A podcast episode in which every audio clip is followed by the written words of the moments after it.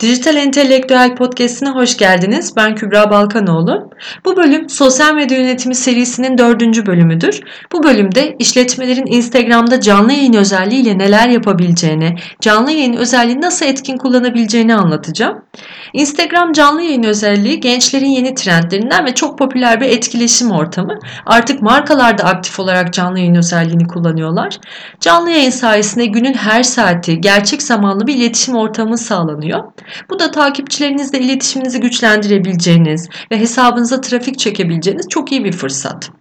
Öncelikle canlı yayına başlamadan önce canlı yayın yapacağınız saatleri takipçilerinize önceden duyurabilirsiniz. Takipçileriniz de bu canlı yayına göre kendilerini planlayabilirler. Bu da katılımı artıracaktır. Canlı yayınınızı örneğin 3 gün önceden ya da birkaç saat öncesinden de duyurabilirsiniz. Evet, işletmeler canlı yayın özelliğini nasıl etkin kullanabilir? Hemen 5 madde halinde bunu paylaşıyorum. İlk olarak ürün tanıtımı yapabilirsiniz. Ve bu sırada takipçilerinizin soru ve yorumlarını alarak etkileşimi artırabilirsiniz. Ürünün nasıl kullanıldığını, ne işe yaradığını, insanların hayatını nasıl kolaylaştırdığını ya da katkı sağladığını paylaşabilirsiniz. İkinci madde olarak da takipçilerinizin merak ettiği konular olabilir soru cevap yayınları yapabilirsiniz. Bu yayını işletmenizin ürünlerinin olduğu bölümde ya da ofis kısmında yapabilirsiniz. Çünkü müşteriler genelde bir ürünün nasıl bir ortamda, ne şekilde yapıldığını, çalışma ortamını merak ederler.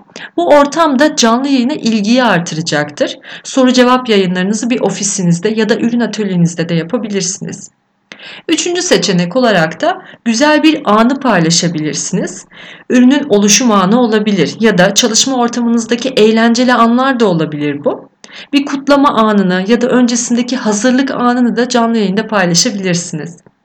Dördüncü seçenek olarak da ürün ya da markanızla ilgili bir hikayeyi canlı yayında takipçilerinize anlatabilirsiniz. Hikayenizin keyifli, etkileyici olması ve canlı yayınınıza da ilgi artırması için canlı yayın öncesi biraz hazırlık yapmanızda fayda var.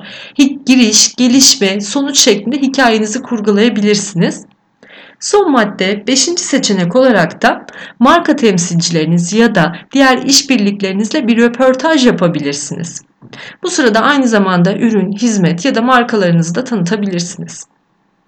Bu bölümde anlatacaklarım bu kadardı. Bu tür içerikler hakkında daha fazla bilgiye ihtiyaç duyarsanız wupodcast.com sitesine blog sayfasına ya da diğer podcast yayınlarını inceleyebilirsiniz. Podcast'in tüm erişim kanallarını açıklama bölümünde bulabilirsiniz. Ayrıca wupodcast.com sitesinin forum sayfasına ve merak ettiğiniz konularda başlık da açabilirsiniz. Hem yayınla ilgili hem de içerik akışı ile ilgili daha faydalı olabileceğini düşündüğünüz öneriler varsa yorumlarda iletebilirseniz memnun olurum. Kendinize iyi bakın. Sevgilerimle hoşçakalın.